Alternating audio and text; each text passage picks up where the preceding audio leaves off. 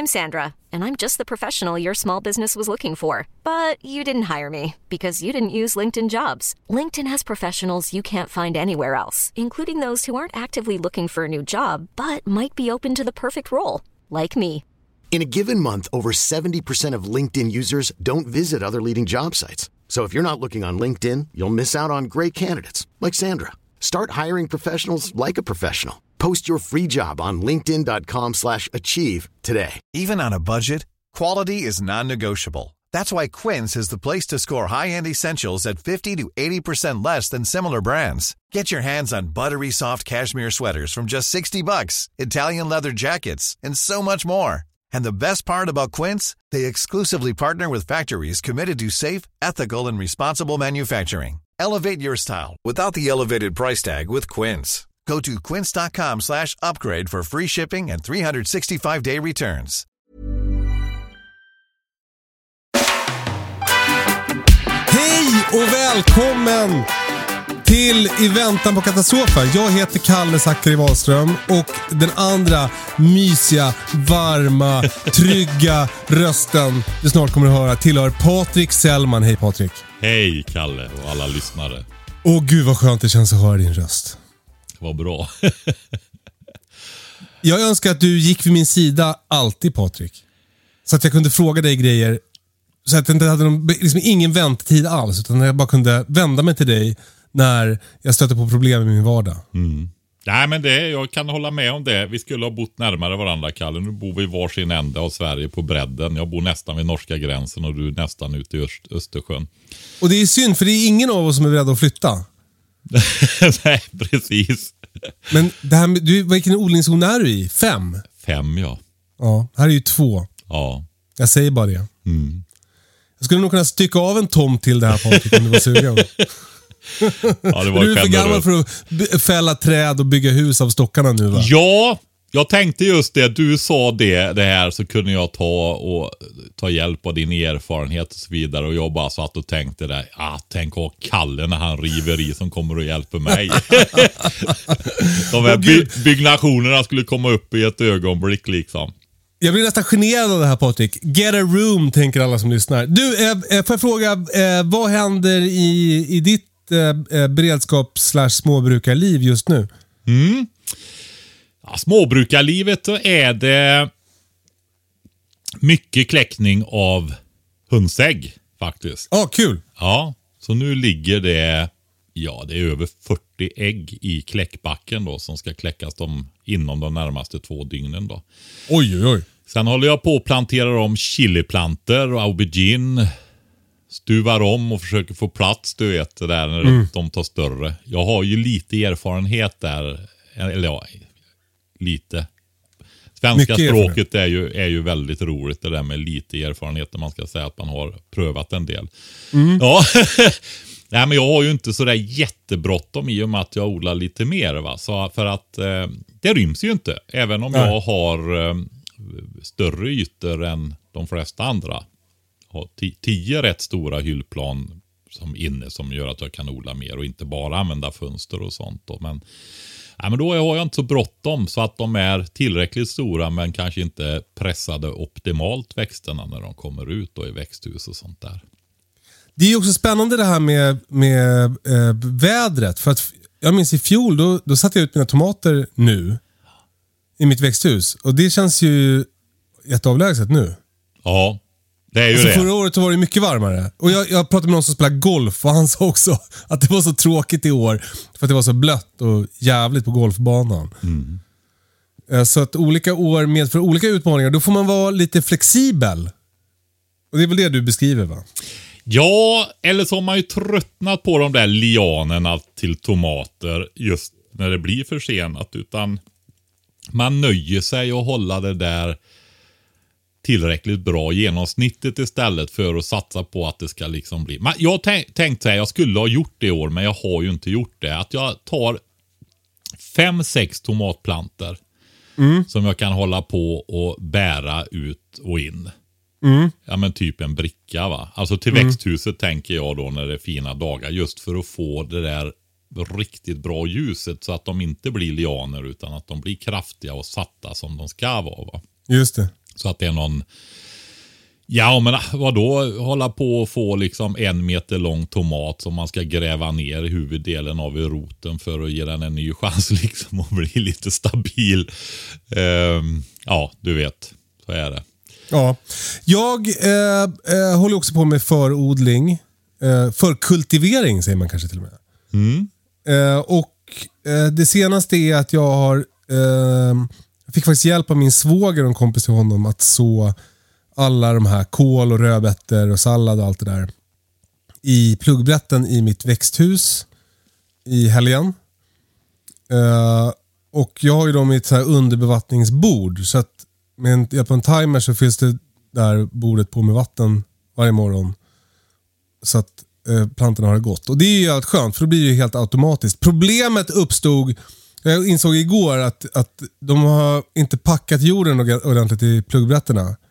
Nej, Eh, nybörjar så att- fel ja. Ja, fast det- det var det en, min enda instruktion. Jag vill liksom inte ge för mycket instruktioner för jag tänkte det blir för tråkigt att lyssna på. Så att det, men den enda instruktionen var så här, packa ordentligt. Nu- Johannes lyssnar ju på den här podden. Du behöver inte säga namnen också på dem då. Åh nej! Men jag... Eh, eh, det är kul också att jag inte kan säga det till honom IRL. Utan jag säger det i podden så att han ska höra det. 20 000 För jag är så konflikträdd. Åh. Ja. men det var några, alltså, vissa var i toppen, men vissa fick jag trycka till igår. Jag, vi får se lite hur det kommer, hur fröerna hanterar att jag trycker till dem. De har ju antagligen inte börjat gro ännu, så att, kanske kommer det funka. Ja, men eh, det tror jag speciellt. Eh, alltså det får ju bli rejäla liksom, luftbubblor i. Va? Ofta är det ju så här att eh, jordfyllnaden, alltså att det sjunker ihop. Och Mm. så blir det inte så mycket jord just i den krukan då. Jag menar, det är alltid någon som blir så där så ser man det sen att den är liksom tre centimeter ifrån kanten. Ja, precis. Och så blev det när jag tryckte till dem. Men framförallt, jag såg det ju på att de hade torkat ut och släppt lite från kanterna på, i pluggbettet. Alltså i varje cell så såg man att det blev som ett litet, det är nästan som en luftspalt runt för att den var helt torr. Precis, och det, det är ju för att det är luft i botten på den där så att Exakt, den får ju inte kontakt med vattnet då. Va?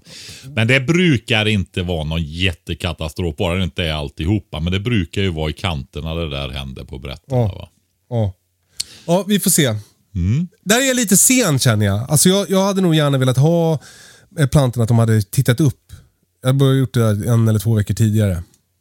Ja, men alltså hos dig, det är ju lätt att lura sig på det där. När det är sen vår så eh, är det ju vanligare att det bara smäller till sen. va?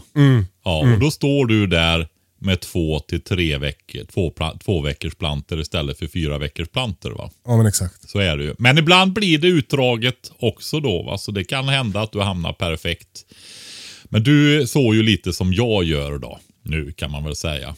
Ja. Faktiskt. Jag har dock gjort eh, brätten, men inte så mycket som du har gjort den då, den sådden. Utan jag har ju det här som jag kan sätta mellan plantorna i växthuset. Eh, innan de plantorna som ska vara där har blivit för stora så kan man ju odla lite grönsaker där inne också om man bor lite kallare som jag gör. Ja, det kan man ju göra hos dig med. Vi har ju pratat om det tidigare. Jag Egentligen, gjorde det i fjol ju.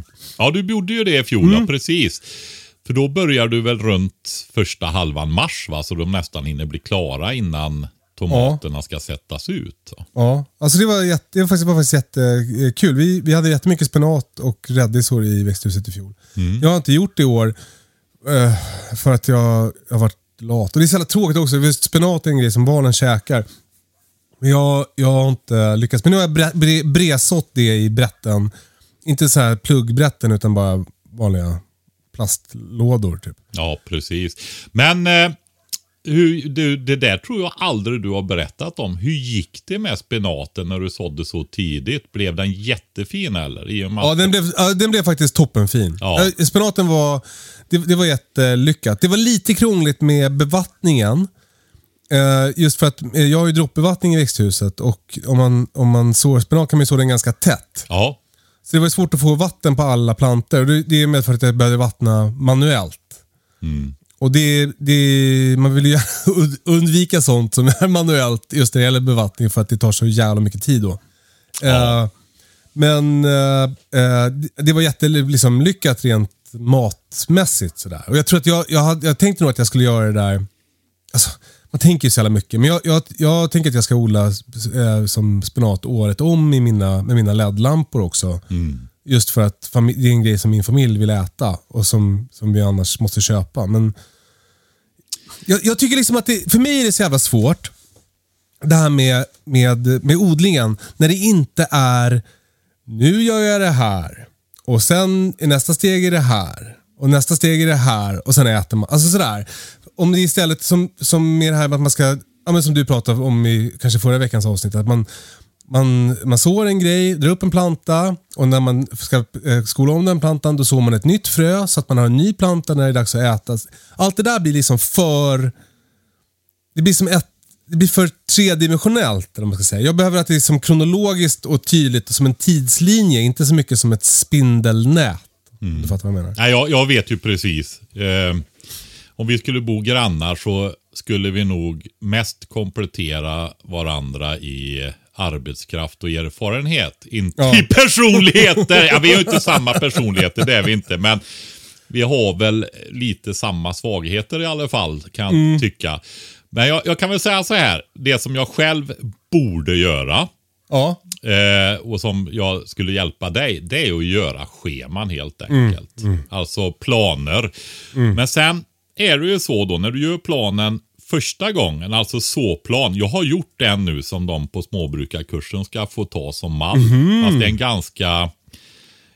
Ah, det är ju en kalender där du har fyra veckor i varje månad. Så det är ju första veckan i, i första halvan på april och andra veckan i första halvan och, och så vidare. Va? Så det är ju bara de fyra. Eller om man sår i mitten på månaden. Så det där är, det är ju inte exakta datum. Men där kan du ju göra så att du fyller på då med att nu sår du andra omgången. Så är det ju bara att titta på den där. Eh, Det Ja, är det- inget det jättejobb alltså. Men, eh, utan, men vill man ju, det är ju en sån där, ska jag säga så här, om det skulle vara många som skulle förlita sig på mitt odlande och arbetande här på ett helt annat sätt än det görs nu. Då är det ju det som gäller så att man får ordning på det. Men man ska också vara medveten då om att det är ju också en lärprocess. va. Alltså, du gör den första planen och sen ser du ju hur funkar det. Ja, men det tog lite längre tid med det där till mognad och så vidare. Va? Så att då får du korrigera den där och efter kanske tre år så har du en riktigt bra sån odlingsplan då med tidsschema. Va? Men för jag ska prata lite om det där med odlingsplan. För att eh, Jag får väldigt mycket frågor om så här, när ska man så det här och är det för sent att så nu? Och oj oj oj, vad, vad, vilka grejer sår du nu i april och så här. Det verkar som att eh, det där hjälpte du mig med min första riktiga eh, liksom, satsiga odlingssäsong för det är väl tre år sedan nu. Eh, och för mig sitter det på något sätt redan i kroppen så jag behöver inte fundera så mycket över det. Men det verkar som att många undrar över i vilken ordning man ska göra. Och vi har ju varit inne på det tidigare på det, men ska vi ta det igen eller? Ja, det kan vi göra. Eh, Vi börjar så här. Vad är för sent att så nu? Alltså för sent och för sent, det beror ju lite på hela odlingssäsongen faktiskt skulle jag vilja säga. Men eh, alltså purjolöken behöver ju lite tid på sig för att växa upp och bli stor alltså. Men har du en lång höst så fortsätter den ju att växa där va. Och det finns också eh, väldigt härdiga sorter som klarar mycket kyla. Ja, för att de växer, det är ju mer att de övervintrar då. De växer Ja. ju inte va. Så det kanske är risk att det blir lite mer salladslök av den purjon då istället för som Inte dina underarmar. Ja, En del, Ja, exakt. en del närmar sig väl vader till och med tror jag. Oj oj oj. Ja men dina var, de var ju, det är ju sällan man har sett det, första året där när du hade gjort ordning dina bäddar. Då blev de rätt stora faktiskt. Lite grote, åt det groteska hållet. Alltså man blev, kände sig orolig när man gick ut. Jag är rädd att få en på sig. ja. Nej men det är ju det. det. Och sen har du ju selleri.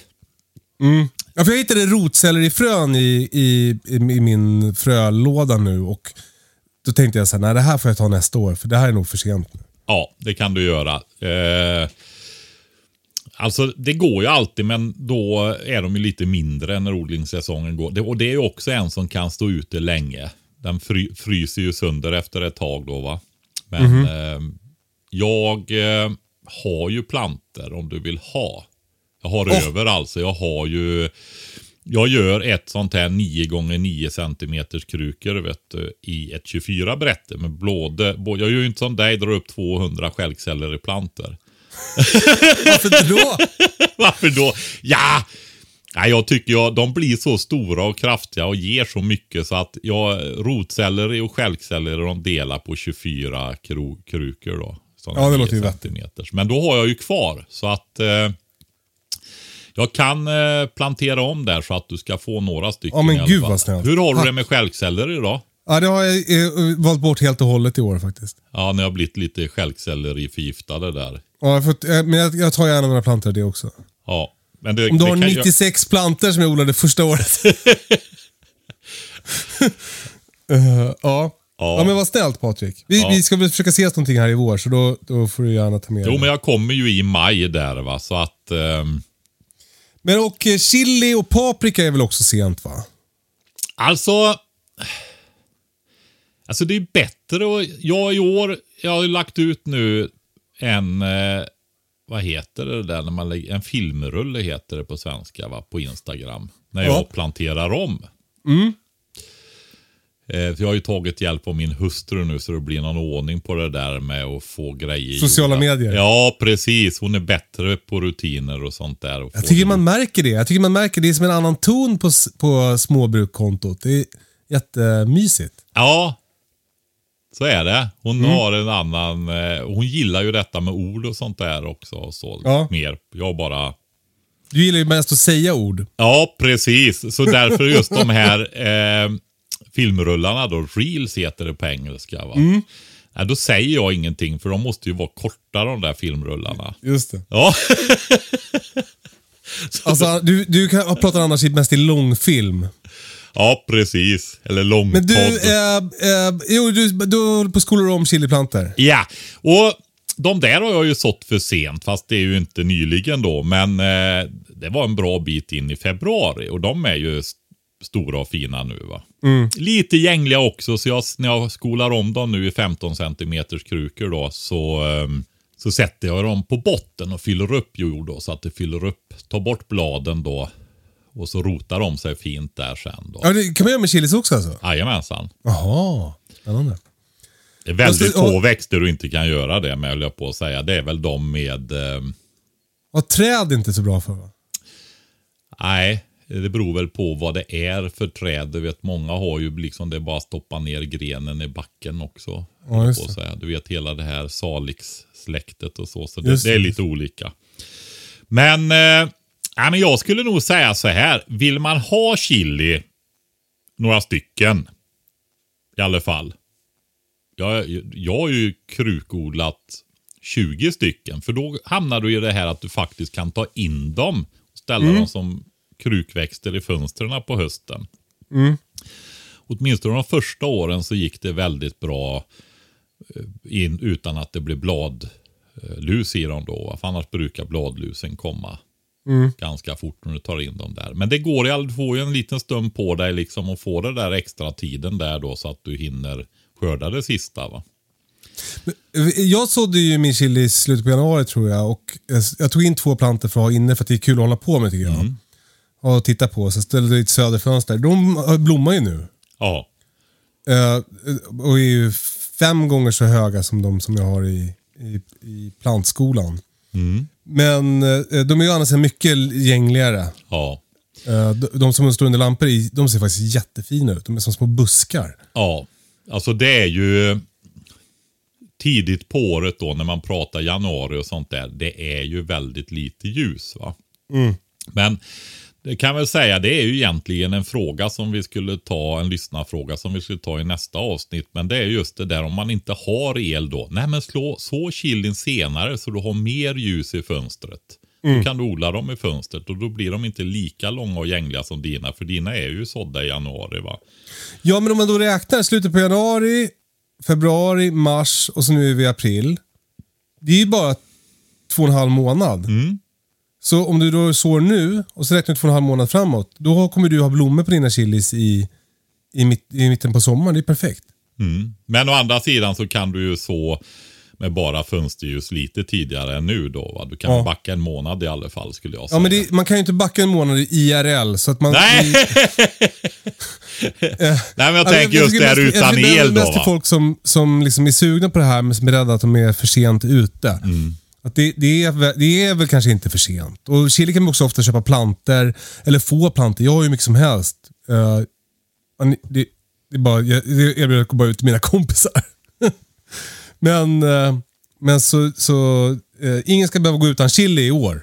Nej, så är det. Om man vill så gör det. Om inte annat så lär du dig och får någonting att relatera till. Så är det. Mm. Absolut. Eh, men okej, så eh, de här grejerna kanske är för sent. Men, men eh, kör nu. Och samma ja, sak med chili tomat. skulle jag inte säga är för sent i och med att det egentligen är en som du kan ha i jättelång tid om du tar in den. Om du kan Mm. hålla bladlusen borta. Så jag har ju skördat eh, chilisar på vintern här med Mm. det som drogs upp på våren. Så det, det går, det gör det. Men man kan få kämpa med bladlusen som sagt. Då. Men sen har du ju tomaterna och jag, jag har nog eh, de minsta tomaterna för tillfället utav de flesta. Jag ser ingen som har så små tomater som jag har. Alltså det kanske är för att det är ingen som vill visa upp att de har jättesmå tomater. Nej, precis. De flesta som vill visa upp bilder på sina tomater är väl nöjda att de är stora. Ja, så kan det vara. Nej, de är väl någon decimeter nu. De ska Ja. ut om eh, fyra veckor snart. Runt 15 maj har ju jag. Va? Så, och jag har ju, i och med att jag har så många tomatplanter, så eh, jag kan inte plantera om dem till 15 centimeters krukor, utan de eh, är i brätten och sen hamnar de i 9 centimeters krukor. Ja, Och okej. då får de inte bli för stora för då står de för tätt och då blir det lianer istället. Va? Så att Mm. jag tycker till och med de här som man brukar säga standard åtta veckorna. Nej, ge dem det ut istället så slipper man eh, stå och trassla med dem och eh, långa och gängliga och så vidare. Va? Utan det, är- det är faktiskt sex veckor. Så att jag är ju senare med det också då. Va? Men som jag sa, man skulle ju kunna då eh, säga att jag har eh, 60-70 tomatplantor, 80 kanske. Eh, ute i växthuset. Och eh, då skulle man ju kunna tänka sig just det där att man tar 5-6 stycken som man lägger ner sig på. Bär ut och bär in så de får ordentligt ljus ute och tar in dem på kvällarna när det börjar bli mörkt och när minusgraderna kommer och sådär så får du några stycken jättefina som kommer att ge betydligt tidigare än de andra. Så kan du börja plocka tomater lite tidigare då. För det är ju det du får om du, om du gör det tidigare då. Men när det gäller andra änden då. Jag tycker att jag får riktigt bra skörd ändå. Va? Ja. Så det, som helhet så blir det bästa lösningen för mig som det ser ut. då. Men och sen så när det gäller äh, kolväxterna och sallad och rödbetor och sånt. Det är nu.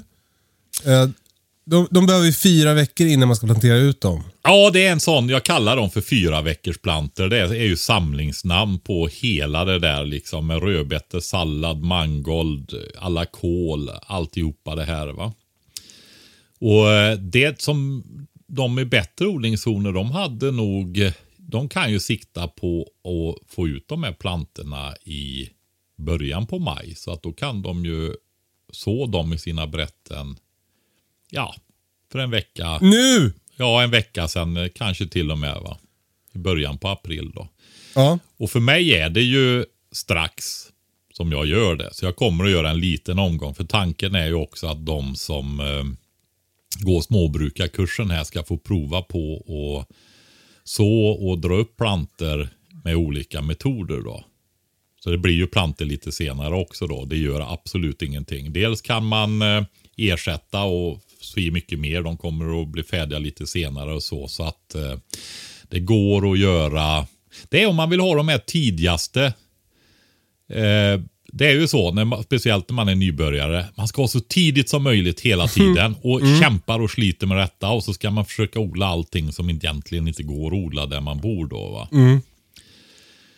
Och äh, det där äh, har jag kommit över, känns det som. Man, kan man har det ju liksom för att det finns ju en vits med att pröva och lära sig det där. Som det här vi sa om växthus där va. Du lägger någonting, sätter en pinne, lägger en sten där du ska sätta tomatplantorna och så kan du sätta lågväxande mm, plantor och sockerärtor och så vidare. Då är du ju nere i om du sätter ut dem i mitten på mars i växthuset, de här som inte är så känsliga. Sallad, mangold, tidiga morötter, eh, lågbuskiga sockerärtor. Den typen av växter som kommer ganska fort. Då. Ja, men då kan du ju en tidigare, då är vi nere i mitten på februari.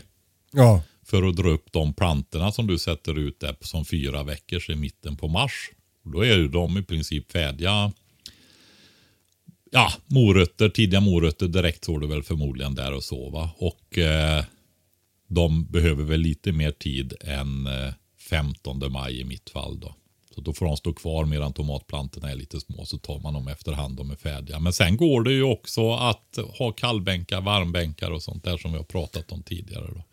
Alltså, för, eh, eh, jag, jag tycker... Det, alltså det där med att få tidigt, det är ju också en, det kan bli en stress. Man behöver inte hålla på så mycket med det. Men det, fin, det är ju väldigt härligt när de första grejerna börjar komma. Ja, men det är ju så. Det är ju så. Alltså, eh, jag, jag styrs, min matlagning styrs ju så mycket också av säsong. Sådär. Att jag lagar bara det jag har.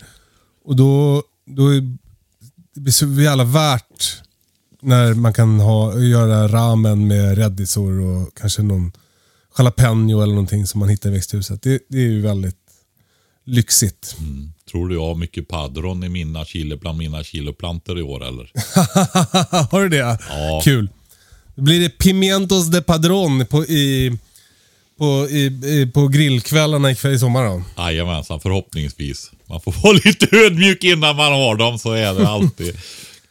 Ja, men jag ska säga också angående det här med liksom... eh, nej, vi gör klart, förlåt, förlåt, förlåt. Nu, vi gör klart det här nu då. Då, då har vi sått de här uh, fyra veckors plantorna. Ja, Och det, är- det, är bara, det sista man behöver komma ihåg är ju att gurkväxterna eh, eh, mår piss av för kallt. Du har sagt under sju grader. ja det kan man sä- hålla sig Och, till. och därför så måste man vänta då med att så dem eh, eh, tills fyra veckor innan nationaldagen i mitt fall. Ja, så är Eh, det. så sista frostrisken där. Ja. Början, mitten på andra veckan i juni tar man ut de plantorna. Och de, det är också fyra veckors plantor fast en senare omgång då. Va? Och det är ju squash, gurka, majs. Eh, Pumpa. i- i- ja, pu- ja, pumpa precis. Hela gurksläktet då. Va? Och eh, där har jag ganska mycket plantor då. Men i år ska jag faktiskt prova att så majsen direkt. Och det är Åh, för att kul. det är så. Ja, och det gör jag ju tidigare då. Så jag ska göra det runt 15 maj. Jag drar upp planter också, ska jag säga. Men, eh, och det är ju eh, för jag tycker det är viktigt att ha det där fröet ifrån den där majsen då. För det är mjölmajs då. Nej men jag vill prova det i och med att jag har så höglänt mark så kylan och frosten rinner ju undan så jag får ju inte så mycket senfrost då. Ja. Så är det. Så då vill jag Gött. testa det.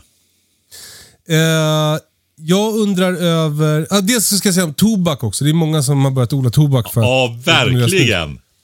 Uh, och det är ju väldigt kul. Och det är också kul att jag har på något sätt blivit ansiktet utåt för att odla egen tobak. Så jag får ju väldigt mycket frågor.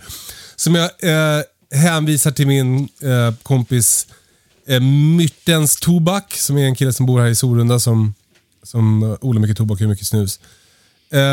Men jag fick faktiskt plantor av honom i år, så jag har inte dragit upp några plantor. Utan jag fick, han bredsår i brätten och sen så skolar han om till 9 cm krukor. Och så har jag gjort nu. Jag fick eh, plantor som jag skolade om till, till krukor. Jag tror att de är lite tidiga. Jag tror att han är liksom lite eh, övertänd för att så sin tobak. För att han är så förtjust i att odla tobak. Ehm, så jag tror att jag kommer få lite problem när de blir för stora i mitt växthus. Men de ska ju också ut där i början på juni först. Mm. Eh, för att de är också frostkänsliga. Ja. Eh, så då, det kommer vara som... eh, det kommer vara jävligt mycket eh, tobaksblad, stora blad också, i mina hyllor om en månad ungefär. Jag kom på Eh. en sak till du. Ja. Och det är ju ärtor och bönor. och nämnde vi ju aldrig ens en gång. ja bra, och, och foderbetorna vill jag fråga om. också. Ja. Eh, ja foderbetena det går ju som eh, kolväxter kan vi säga då. va. Okej. det. Men eh, bönor och ärtor. Ärtor är ju lite mer vårt klimat. Så de eh, är ju tåligare och man kan så dem tidigt. Jag kommer inte ihåg jordtemperaturer och sådär utan men det är ganska låga jordtemperaturer för att de ska komma igång då. Va? Och de direkt så man ju för att de blir ju så pass kraftiga så man ser ju dem ganska tidigt och fort i landet. Det här med plantuppdragning är ju för, ja när det gäller kol växter och sådär så kanske de aldrig syns om man direkt sår dem för jordloppen har redan ätit upp dem. Va? Men sen är det ju också för att ha plantor så har du ju försprång på ogräset. Va? Jag tycker att det är värt det arbetet helt enkelt. Det är mer besvär att krångla med gallringar och, och ogräs än att dra upp plantorna. Men det är typ inte så mycket mer jobb heller om man har bra infrastruktur. Nej, så, det är nästan skönare att så i lite bra höjd och sen flytta en planta. ja. Så jag jag eh, har gått över till allt som är tillräckligt eh, enkelt och bra att dra upp plantor av gör jag ju det i princip. Va? Men eh, bönorna däremot, de är för lite finare klimat och behöver högre jordtemperatur och är mer frostkänsliga. Huvuddelen av dem i alla fall och framförallt de här störbönor och sånt där då. Så de kan man om man vill. Fyra veckor, alltså speciellt störbönorna då, de skickar ju iväg och vill klättra och så vidare. Så de drar ju iväg sina alltså, stänglar kan man väl kalla det då. Ehm, och knyter ihop sig och så vidare. Så det kanske inte är fyra veckor på dem utan tre om du vill ha planter. Annars så får du vänta till eh, månadsskiftet maj-juni kanske med att sätta ner dem i jorden då. Eh, När det gäller sockerärtor så, så har jag de, de här åren som jag har hållit på. Eh, när jag sätter ut mina kolplantor så trycker jag också ner sockerärtorna i landet. Det är väl en supergrej. Då hamnar du ju rätt någonstans. Va? Ja, Och då, för då har du ju det där också att du ställer ner dina kol, de här fyra veckors på jorden direkt när de har blivit färdigvattnade och kommit igång i bevattningsbordet kanske om tiden drar iväg. Så att de kan plocka näring så kan de stå där både fem och sex veckor om det blev sen snö eller något även hos er på Södertörn. ah, smart. ja. ja, men så är det ju. Då går de ju ner i hålen där va. I botten på rätterna. Men för att det, alltså, återigen, det, har, liksom, det så, har satt sig i mig på något sätt. Så för mig känns det inget krångligt. Men om det känns krångligt för någon, då är det så här. Det är något du ska hålla på med i slutet på januari. Det är något du ska hålla på med i början på mars. Det är något du ska hålla på med i början på april. Och det är något du ska hå- hålla på med i början på maj. Ja, Och sen så är det bara att pussla ihop det där. precis. I februari får du ledigt. Skönt. Ja, det är några grupper liksom sådär. Exakt. Så är det. Januarigruppen och sen kallar jag det där i mars där, det är ju tomaterna egentligen. Ja. ja. Och sen har du fyra veckors plantorna som är den här gruppen med sallad, kål, rödbetor, mangold, gänget där. Och sen har du fyra veckors igen då, fast då är det gurkväxterna, majsen, bönorna. Mm. Underbart. Fan vilken koll man har nu. Ja, Eller hur? ja, Då går vi vidare. ja.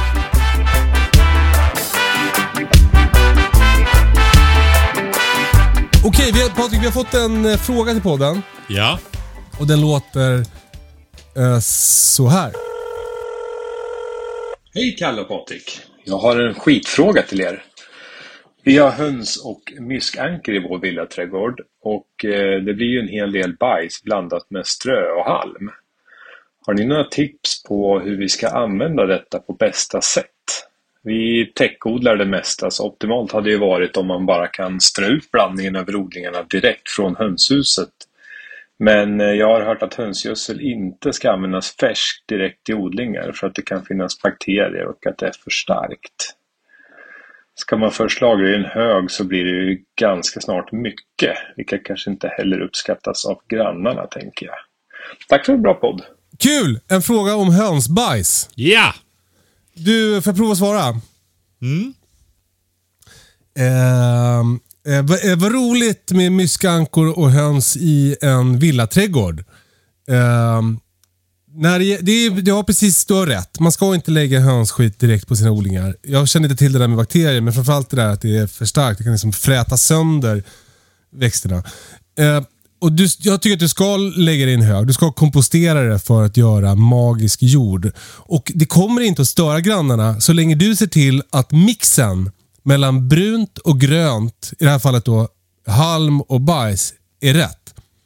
Därför att om det är så att det börjar lukta väldigt starkt om den här högen, då är det för lite halm i den. Det är för lite kol. Så, eh, så ös i mer halm eller eh, träflis eller torrt gräs eller löv eller någonting. Tills du får en hög som bara är som en varm jordfabrik med full med maskar och småkryp och inte luktar någonting. Och sen använder du den som eh, eh, jord i dina odlingar. Ja. Det där har du prövat både lyckat och misslyckat och sett vad skillnaden är. Det har jag ju Ha! också gjort. Fick jag till det eller? Jajamensan, det tycker jag. Men jag skulle gud, vilja fylla i det här med bakterier som man tar upp. Ja, kul. att Det är Bra. ganska viktiga grejer. Samtidigt, alltså det är ju en sån där fråga. Så tar jag upp det nu. Eh, alltså du vet på Facebook har man ju sett, jag är nästan inte med i några sådana här grupper. För jag orkar inte med det där liksom. Du får ju ett hammarslag i huvudet varenda gång liksom. För det ska vara så rigida grejer runt omkring allt va. Men, Jag kommer aldrig glömma när konserveringsgruppen gjorde gemensam sak och attackerade min, min, en Instagram-post jag hade lagt upp om, om konservering. ja men precis! Så jävla slarvig du är Kalle! Och det är ju så här att man ska ju vara noga när man eh, konserverar. Så är det. Ja, vi, och vi återkommer till det Patrik. Ja, det gör vi. också. Men du, eh, det är två eh, bakterier. Det ena är ju, du vet, höns. Det ska Mm. ju, eller kyckling då, när du tillagar det så ska du ju alltid ha genomstekt. Ja, det pratade vi om. Jag berättade om kyckling-sashimi i Tokyo. Ja, precis. Och det är ju Campylobacter och salmonella. Och det är ju, salmonella framförallt är ju en riktigt allvarlig sjukdom och den sprids ju via avföringen. va. Men då ska man ju också säga så här att när det gäller sån här köpt hönsgödsel och sånt där. Du vet man kan köpa säckvis och så. Då är ju de värmebehandlade. För det är ju Jag samma. tror inte att han som ställt frågan är intresserad av att köpa Nej, men jag vill, det är en, orienter, en bred, bred orientering om de här bakterierna. Då. Mm. Alltså det, det är ju reglerat hur man måste göra just för att inte sprida de här sjukdomarna då, där, när det gäller eh, kommersiellt producerade grejer. Och mycket av det där är ju också i kommersiell odling, i stordrift och så. Där ökar ju riskerna. De har ju stenhård koll liksom när du ska Mm. komma som gäst eller någonting. Du får ju ta på dig nya kläder och byta skor eller trampa i ett bad för att du inte ska dra med dig sånt där in bland de här 10 000 fåglarna. Va? Just det. Men vi har faktiskt varit i Sverige väldigt framgångsrika på att hålla salmonellan stången. Så vi är lite unika på det. Det kanske är något annat land också, men vi är riktigt bra på det. Så risken är ju inte jättestor, men man ska ju veta att de vilda fåglarna sprid, kan ju sprida salmonella med sin avföring. Va? Och jag har ju nyheter, alltså, jag vet inte om jag har sagt det i podden, men, men eh, vi har ju fått eh, en drastisk minskning av vildsvinsstammen här ute. Ja, Och då är det bland annat då, Eh, det är flera anledningar som spelar in, men, men bland annat är det att, de, att eh, brungrisarna får salmonella och dör. Så det är en ny typ av salmonella som har kommit och som sprids bland vildsvin just nu här i östra Sverige. Mm det, vad, finns det sådana varianter som inte sprider sig till människa eller människor? Jag, jag, jag vet faktiskt inte. Nej, då lämnar jag vi inte det, för jag sort har ingen det här aning. Är. Men, men jag vet att eh, den här salmonella-varianten finns nere på kontinenten och där har vildsvinen lärt sig leva med den. Men här så dör då, de klarar sig så länge de eh, diar. Men så fort de slutar dia så, så dör de. Ja, då får de utav... Eh, Ja, då får de skydd av morsan. Liksom. precis. Och sen kommer det att ske en selektion. Det är ju samma som med rävskabben och så vidare. Så eh, blir det en del som klarar detta och som kan föröka sig vidare. Så stärker det upp stammen och det går ju ganska fort med vildsvin då. Så är det. Ja, du får, det, här, det låter ju bra för vildsvinsstammen. Det är lite tråkigare för mina hundar som tycker om att jaga vildsvin. Ja. det är som det är. Ja, nej men så, det är ju så. Och eh, då är det så att om man komposterar hönsgödseln så, eh, man brukar väl säga helst två år då. Men sen är det ju så om du har en liten eh, hönsflock till husbehov så har du ju lite mer koll på om de börjar bli sjuka och så vidare där va. Tänker jag.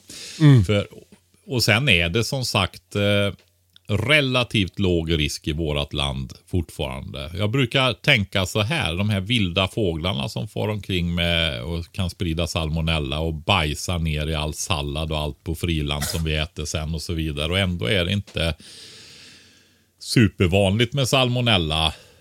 Eh, så att det är ju en blandning. Men sen har du det här som du tog upp bra där. Och det är ju det med att det är väldigt kraftig gödsel. Så att det mår bra av att komposteras.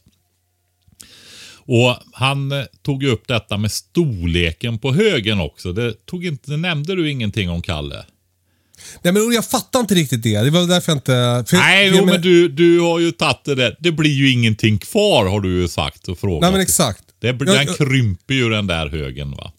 Ja, men också, jag, jag vet inte om hur andra gör, men jag städar ju ur hönshuset liksom två gånger om året. Ja, en djupströbädd ja. Ja, precis. Och jag har ganska stort hönshus, men för mig blir det ju inte en hö... Alltså nu har jag väldigt stor yt, st eh, stora ytor också att lägga den på, men, men det blir, så jävla mycket blir det ju inte. Speciellt inte om man bor i har lite få höns. Då kan, man behöver inte städa varje dag. Liksom. Nej, eh, men sen är det ju också så här att om du har ordnade kompostfack och så, kanske några stycken då så att du kan lufta och vända över och så vidare och så fyller du på med nästa så får du fin kompost efter ett tag. Se till att hålla lagom fuktighet, inte så att det blir för mycket och syrefattigt. Då kan det börja lukta så det är bra att ha täckning över. Men har du täckning över så blir det istället omvandla, ja, omvända att det inte får bli för torrt utan att man vattnar då istället. Va? För att få det lagom. Luktar det, då gör man något fel. Då är- är det lärprocess som ska till där. Va? Så att det ska vara, och det är en jätteresurs i den lilla trädgården den här gödseln. Va? Så lär dig det och hitta bra system på hur du ska hantera det. Och som sagt, krymper väldigt fort. Va? Ja. Men tar du ut ur ett hönshus, eller som jag nu har i ett växthus då över vintern. En bädd med strö och blandas med. Det blir ju väldigt torrt där inne. Så där sker ju inte, utan du måste ju få ut det och blanda det i en kompost och få till vatten då. Va? Så att bakterierna och det kan komma igång. Men, och eh, vill man att den här processen ska gå snabbare och allting så kan man ju köpa en, en sån här dyr isolerad kompost så blir det ju ännu mer drag i den och gör jord ännu snabbare. Och då så grannarna hinner bli ännu mindre arga. Ja, precis. Du menar de Ja, här... och- Ja, precis. Du har väl någon som heter Black... Svarta boxen eller något sånt där va? Ja, kuben tror jag de kallar Svarta kuben. Ja, nu säljer de Eh. slut igen. Ja. ja. eh, bra, då har vi svarat på den frågan och då går vi vidare. Du, Pat, kära Patrik. Ja. Eh, eh, vi har fått ett brev från... Ett brev? Vi har fått ett mail såklart. Ja, men det är Lite nästan gal. ett brev, Kalle. Eh, från en kille som heter Alexander som är eh, kommunpolitiker. Och det är ju väldigt spännande. Eh, han skriver så här. Ni har pratat en del i podden om vikten av att ens omgivning är robust inför oförutsedda händelser. Något jag tänkt ta fasta på i min roll som kommunpolitiker. Jag har en vision om att min kommun ska bli den mest resilienta och välmående kommunen i Sverige. Efter Sunne då såklart, som är din kommun Patrik. Ja. I och med att det är min övertygelse att ett samhälle byggs underifrån och upp så vill jag lägga mitt fokus på att främja och underlätta för invånarna att börja med småbruk som jag anser, som jag anser vara den bästa beredskapen. Och också andra typer av sysslor som gör oss starkare. Mina initiala tankar är följande. Förenkla processen och sänk kostnaden för bygglovsansökan för växthus, fähus och jordkällare. Ta bort anmälningsplikt för kompostering. Låt kommunen upphandla ett bra pris och ett lokalt slakteri för alla kommunens jägare. Förenkla processen för djurhållning inom ett detaljplanerat område. Inventera mark för betesförmedling. Alltså om jag får så kan man få mark av kommunen där de kan beta. Har du några idéer Patrik på vad man kan göra från kommunalt håll? Eller har du några upp, någon uppfattning om olika hinder som nya och befintliga småbrukare ofta stöter på? Alla idéer uppskattas, höga som låga, färdiga som ofärdiga. Även sånt som man kanske normalt sett inte brukar lösa från politiskt håll. Allt gott från Alexander. Gud vilken kul fråga Alexander. Ja, jag tycker det var ett bra initiativ också. Jag bor ju i glesbygd så Ja, ja det, jag tänker att vi hör ju det här om man får inte ha tupp, man får inte ha mer än si och så och alltihopa det här. Va? Det är regler om sopor och komposter och allting. Eh, så att mycket ses ju som problem. Och det tänker jag här att eh, så verkligheten är ju så här att vi har en skitdålig beredskap i landet och det snabbaste sättet att höja den. Och jag tycker faktiskt att det är rätt väg att gå. Många sitter och väntar på att samhället ska bygga upp stora lager och så vidare. Har du en decentraliserad beredskap när det gäller eh, livsmedel och så vidare, också utöver det effektiva eh, sårbara jordbruket så blir det ju stabilare. Va? Alltså om vi inte bara har lager som kan förfaras eller ja, beroende på vad som händer. Va? Eh, men jag frågade honom om det var okej att vi tog upp den här i podden istället och bad lyssnarna komma med förslag. De Gud, som bra idé. lever i de här städerna med de här kommunprocesserna och alltihopa det här som krånglar till allting. Va?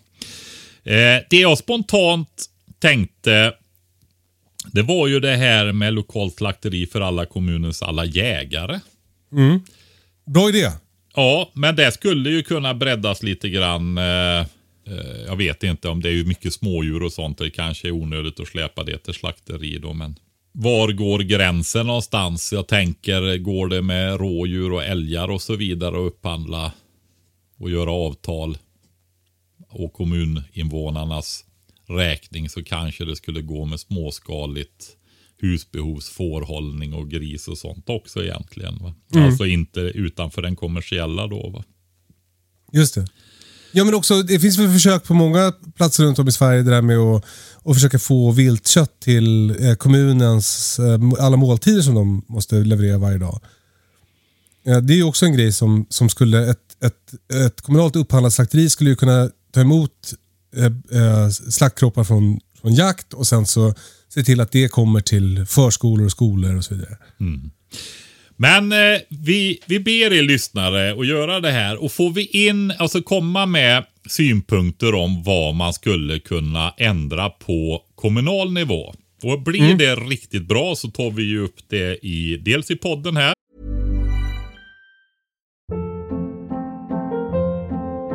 Hold up. What was that? Boring. No flavor. That was as bad as those leftovers you ate all week. Kiki Palmer here, and it's time to say hello to something fresh and guilt-free. Hello Fresh. Jazz up dinner with pecan-crusted chicken or garlic butter shrimp scampi. Now that's music to my mouth. Hello Fresh. Let's get this dinner party started. Discover all the delicious possibilities at hellofresh.com.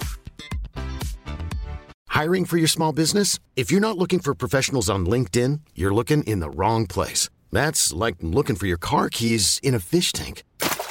LinkedIn helps you hire professionals you can't find anywhere else, even those who aren't actively searching for a new job but might be open to the perfect role. In a given month, over 70% of LinkedIn users don't even visit other leading job sites. So start looking in the right place. With LinkedIn, you can hire professionals like a professional. Post your free job on linkedin.com slash achieve today. Quality sleep is essential. That's why the Sleep Number Smart Bed is designed for your ever evolving sleep needs. Need a bed that's firmer or softer on either side? Helps you sleep at a comfortable temperature? Sleep Number Smart Beds let you individualize your comfort so you sleep better together. JD Power ranks Sleep Number number 1 in customer satisfaction with mattresses purchased in-store. And now, save 50% on the Sleep Number limited edition Smart Bed for a limited time. For JD Power 2023 award information, visit jdpower.com/awards. Only at a Sleep Number store or sleepnumber.com. Skicka givetvis till Alexander, men blir det ja, så att det blir ett riktigt värde i det då, att det blir riktigt bra, så får vi försöka hitta en kanal och sprida det. Eh, jag tänker att många kommuner verkligen skulle behöva höra detta och förmodligen är en hel del av dem intresserade också. va. Alltså lobbyorganisationen i väntan på katastrofen. Ja, men lite grann. Alltså vi måste ju hjälpas åt att få till det här. Va? Det, Låt folk bygga en jordkällare på villatomten. Va? Det är liksom... Eh, varför göra det dyrt och krångligt? Jag ska installera en vedpanna i min laggård och så ska jag gräva en kulvert eh, från den till mitt bostadshus för att- att kunna elda med ved härifrån eh, tomten för att kunna värma upp mitt hus. Och då visar det sig att jag behöver bygglov för skorstenen. Trots att jag bor på en lantbruksfastighet utanför detaljplan så finns det alltså sådana regler för eh, här i min kommun. Och det känns ju jävligt onödigt. Eh, Men, men om du som lyssnar har någon sån här grej, som, som eh, en, en krånglig regel som finns i din kommun. Hör av dig till oss. Mejla hejkatastrofen.se. Och vill ni göra livet lättare för oss så märk, skriv i ämnesraden kommunkrångel. Eh, Så, så, så sätter vi ihop ett litet eh, ett lobbypaket helt enkelt. Ska vi bearbeta SKR. Heter det det? Sve- Sveriges kommuner och regioner. Ja, Ja. heter det. Jag tänkte på murstocken där, Kalle. Det Ja. kan ju ha, eh, i och med att de har med brand att göra och brandskydd och sånt, så kan det vara det som gör att de vill ha koll. Ja, det, nej, det är faktiskt inte det. Är det inte det? Ja, det, det? Det vet jag också. För jag har satt in en eldstad i bostadshuset tidigare. Då, då gör man en bygganmälan. Ja. Och, och det har ju med eh, liksom brandskyddet att göra. Det måste komma någon, en sotare och inspektera och allt det där. Mm. Men, men nu var det alltså bygglov för att det här är någonting som syns utifrån. Ifall någon går hela vägen in till dig och ser den där murstocken där. Då har ni kommit för långt. Då är det dags att vända. Ja, precis. precis. Ja, okej. Ja, så är det. Ska vi lämna det med reglerna där? Men det är alltså en uppmaning eh, till alla er som har olika erfarenheter och synpunkter på det här med vad kan kommunerna göra för att underlätta en bred eh, höjning av beredskapen även när det gäller det här med småbrukande och sånt i, eh, i hushållen då va? Perfekt. Ja, jag tycker Mejla det. hejkatastrofen.se och märk mejlet kommunkrångel. Precis.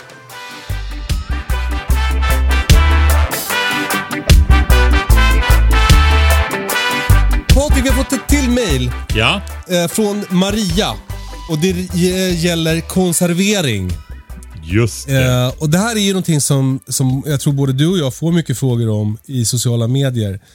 Eh, eh, med vad är konserver? Hur gör man? Eh, Vad behöver man? Är det säkert? Hur ska man tänka? Vad kan man konservera och så vidare. Maria har sammanställt kan man säga alla de här frågorna i ett mejl och vi kommer nu att beta av dem. Det är en jävla massa konserveringsfrågor helt enkelt. Jag tänkte så här, hon har gjort en plan på ett helt avsnitt åt oss. Sådana här frågeställare vill man ju gärna ha. Ja. Alltså. Eh, Men jag kommer att börja läsa frågorna. Vi tar inte ens, vi, vi, inga, ingen eh, liksom prerequisites, ingen, vi har inga ingångsvärden. Utan vi tar bara frågorna en efter en och försöker besvara dem så gott vi kan. Är du beredd? Ja, men det gör vi. Och jag vill också säga så här i inledningen på detta att jag kommer och vi har, vad heter det här? Det ligger på våran hemsida på Instagram så ligger det ju sådana här, höjdpunkter heter det va? Ja. ja. Jag kommer att lägga två, eh, lägga ut händelser på två länkar. Ett till amerikanska, eh, jag måste kolla vad det heter här, National Center for Home Food Preservation. Därför att de har enormt mycket information där och de har ju haft den här traditionen på bredd levande i sin kultur i USA och Kanada där borta. Så att den är jättebra för de som kan engelska. Men sen har Livsmedelsverket en också och det är just det här. Många är osäkra på konservering överhuvudtaget just för det här med botulinum. Och då är det ju framtaget gränsvärden och sånt. Och jag, jag tycker att man, när man håller på med det här, så kan man faktiskt gå in och titta där. För jag, jag tänker ju speciellt på de här som inte vågar göra någonting just därför den här rädslan. För då får du kontroll på det. va. Och det står liksom, har du under fyra grader i, i temperatur så kan inte botulinum växa och så vidare. Va? Så har du kylskåp där. Det är koktider och alltihopa det här med olika mm, livsmedel och, och sådana saker. pH-värden till exempel. Alla våra inhemska frukt och bär har så, är så jäkla sura så att de har inte en chans botulinumen. Och speciellt inte om du kombinerar med socker i sylt och marmelad och safter och sådana grejer. Utan då blir det problem, då är det ju mögel eller jäsning och sådana grejer. Va? Så att, Just det. Nej, men då, då blir det det. Då vet man tydligt och så blir det bara naturligt sen och väldigt roligt istället för oro och, och sådär. Och att man inte gör någonting. Folk har Men- på men- med detta så länge och så mycket. Om, om du är som jag så kanske det känns svårt med de här eh, länkarna och gå in på de här hemsidorna innan du har förstått vad det är du ska göra och kanske testat själv. eh, så att du liksom vet vad du letar efter. För det, man kommer ganska snabbt in på du ska veta hur högt över havet du bor för att du ska bygga upp ett visst tryck och bla bla bla. bla, bla. Vi tar det från början nu Patrik. Ja, det gör vi. Maria skriver, vilken mat är lämplig slash olämplig att konservera? Oj. Ko- Kommer du på någon mat som inte går att konservera?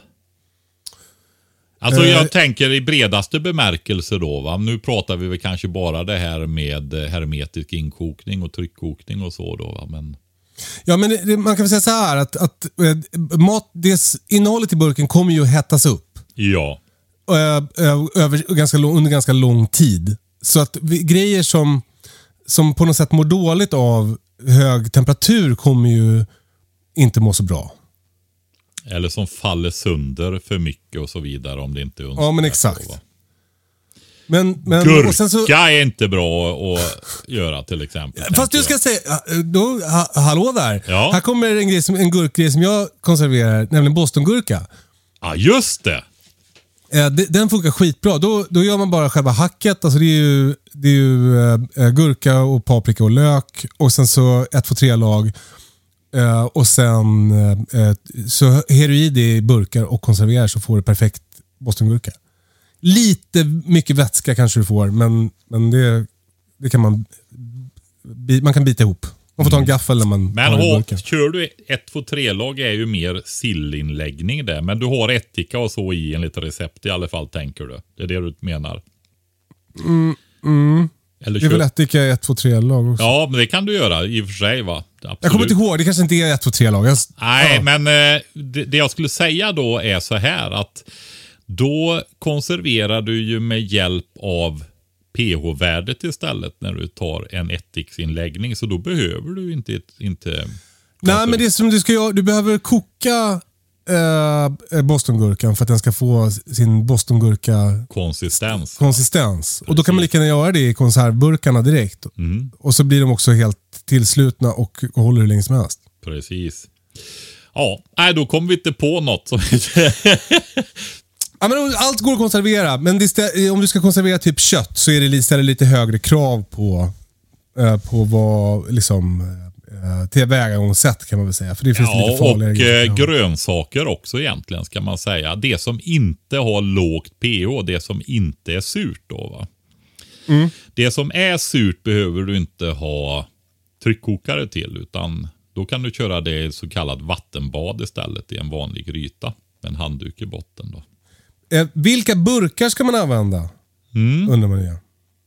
Jag har ju sett det att det är ju många som eh, köper de här dyra med eh, speciella lock och gummiringar och allting sånt där. va. Och det är ju det man tänker på. Det var det man liksom såg förr i tiden när de höll på med hermetisk inkokning som står i gamla skafferier och sånt där. Då. Men de är ju hur dyra som helst. Va?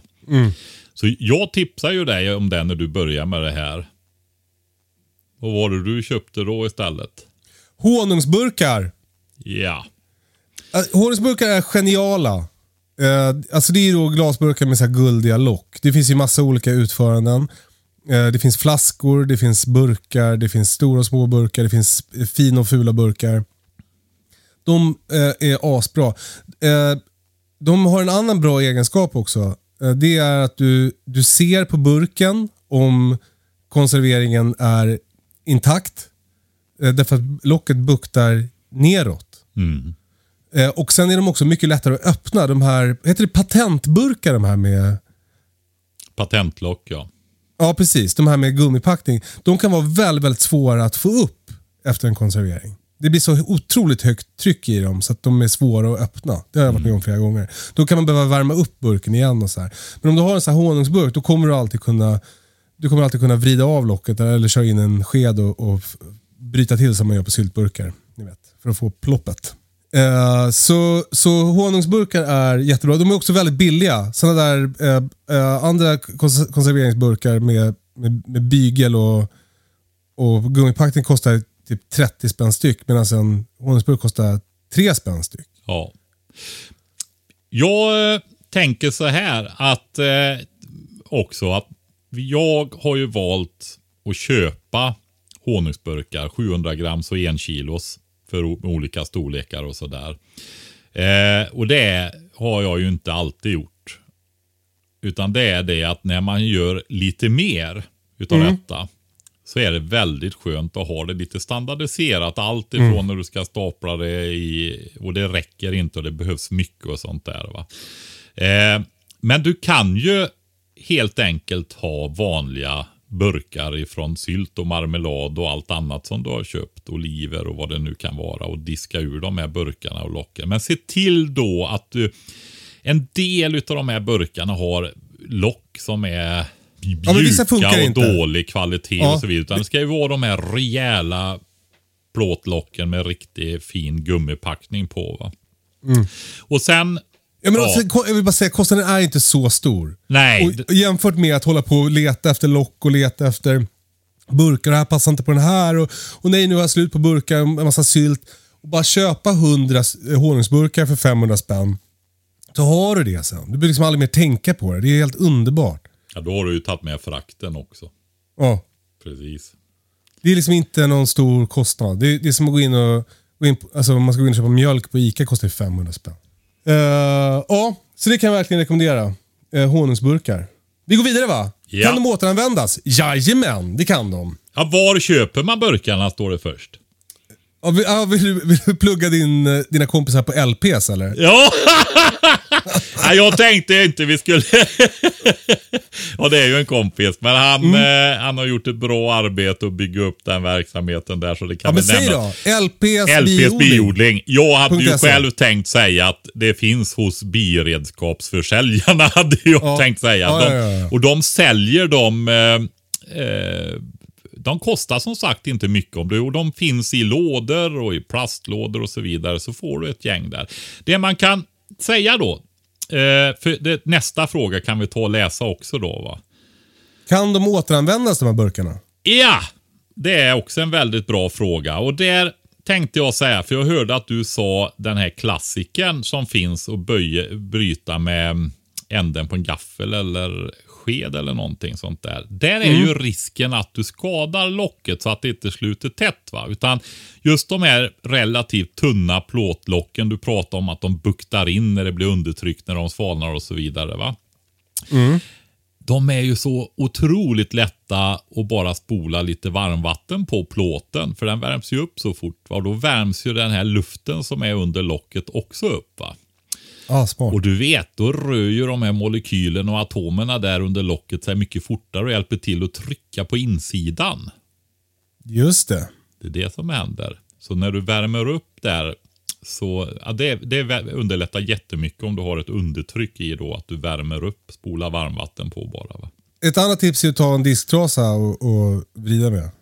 Ja, precis. Ett annat tips är att köra lite mer kettlebell så att man inte får sådana veka eh, eh, greppmuskler så att man kan öppna alla lock i hela världen. Ja, precis, precis. Men kan de återanvändas? Absolut. Men var rädd om locken.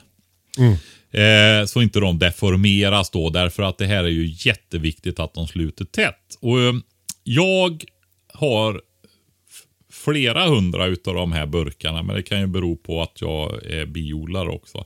Men jag har i min lista att jag ska köpa minst dubbelt så många lock som jag har burkar. Därför att det är ju locken som, när du använder dem till konservering och sylt och ja, både med tryckkokare och till annat då. Det är ju de som tar stryk med tiden. Men är man rädd om dem så kan man använda dem flera gånger. Och det är ju självindikerande. Du sa att de buktar in locken. Så man kan ju också knacka. Ha ett redskap att knacka på. Och så har man en som man inte har vaken i. Så hör man skillnad på tonen va. Ja, alltså klangen är annorlunda i ett, i ett lock som är tätt. Precis. Du kommer också märka om locket funkar eller inte. Inte direkt när du öppnar din tryckkokare, men när burken har svalnat. Då kommer du att se, buktar locket inåt eller inte. Gör det inte det, då kanske antingen har du gjort rent för dåligt när du skruvar på locket eller så är locket defekt och då får du bara göra om. Precis. Det, det, det kan jag säga för, från mig som, som håller på lite med det här. Det, man, det, man, det händer ganska ofta att man måste göra om burkar. Eller för mig är det så i alla fall. Det är alltid någon burk som det har kommit något litet skräp eller någonting som gör att det inte blir tätt. Och då får man bara helt enkelt köra den ett varv till. Har du använt rätt tid och rätt temperaturer och locket buktar in eller har den här klangen. Då är du trygg där. va? Mm. Så är det. För du vill ha det här vakuumet för då vet du att ingenting annat har kommit in efter att du har avlivat alltihopa där i. Då. Och, det, och den här eh, eh, den regeln gör ju också att man kan lita på en konserv eh, även efter bäst före-datum så länge eh, den är hel. Det är bara att kolla locket när du går in i skafferiet. Ta burken, kolla locket. Är det inåtbuktat eller knacka på det. Du lär dig känna igen den där tonen ganska fort. För den är väldigt Ja men den är ju väldigt, vad ska vi säga, är dov rätt. Alltså den är ju stum. Stumdov liksom om det är spänt locket neråt jämfört med om det är trumskinn liksom som fladdrar och är löst. Då. Apropå lock, skruvar ni på locket före kokningen och lite till efter. Då ska vi se Maria. Vi skruvar på locket före kokningen och då gör vi fingertight som Patrik brukar säga. Vi skruvar alltså inte åt för kung och fosterland utan vi skruvar åt så att det är stängt. Eh, sen kör vi den i tryckkokaren enligt tabellen som vi kommer länka till på Instagram. Eh, ungefär en timme. Eh, och sen eh, när vi tar ur den ur tryckkokaren, när den har svalnat, då sitter locket stenhårt. Så då behöver vi inte skruva något mer. Nej precis, just det fingertight. Vi har ju tagit upp det, vi kommer, det här tar vi ju lite djupare nu, men vi har ju pratat om det tidigare också. Det är liksom det där du vet att man tar i med hela handloven och liksom drar allt vad man orkar så det verkligen blir tätt. Det gör man inte, utan man använder tummen och fingrarna och drar åt det. Men det här är också någonting som man får känna sig fram med. Ja, men, men det, precis. min erfarenhet är typ så här. Du, du stänger locket, men du behöver inte ta i. Alltså man får inte göra för löst heller, för då, då kommer det inte att, att, att slutas. Nej, risken ökar att du misslyckas om det är för löst. Men samtidigt så är det ju så här att det kommer ju bli ett tryck inne i den här behållaren. Och det ska ju komma ut någonstans, annars kan ju burken explodera va? Inne, inne i din kok. Alltså inte blåsa ur hela köket, utan den är trasig när du lyfter av locket sen. va? Just det. På, på eh, grytan helt enkelt. Så Hur lagom. nära kan de stå varandra i kokaren? Och, och Här skulle jag säga att det finns en regel som du har lärt mig Patrik. Det är att man ska ha något i botten av kokaren. Till exempel en kökshandduk så kan man vika ihop och lägga där. För att burkarna inte ska skaka sönder när det börjar koka i, i tryckkokaren. Eh, Men däremot så kan de stå ganska tätt. Alltså de, mina står, eh, jag, jag packar min tryckkokare full. Ja, så gör jag också. Bara de inte står och slår i botten. För det blir ju speciellt i tryckkokaren. Men det gäller även om du kör vattenbad med mm, marmelad, sylt och, och den typen av surare produkter.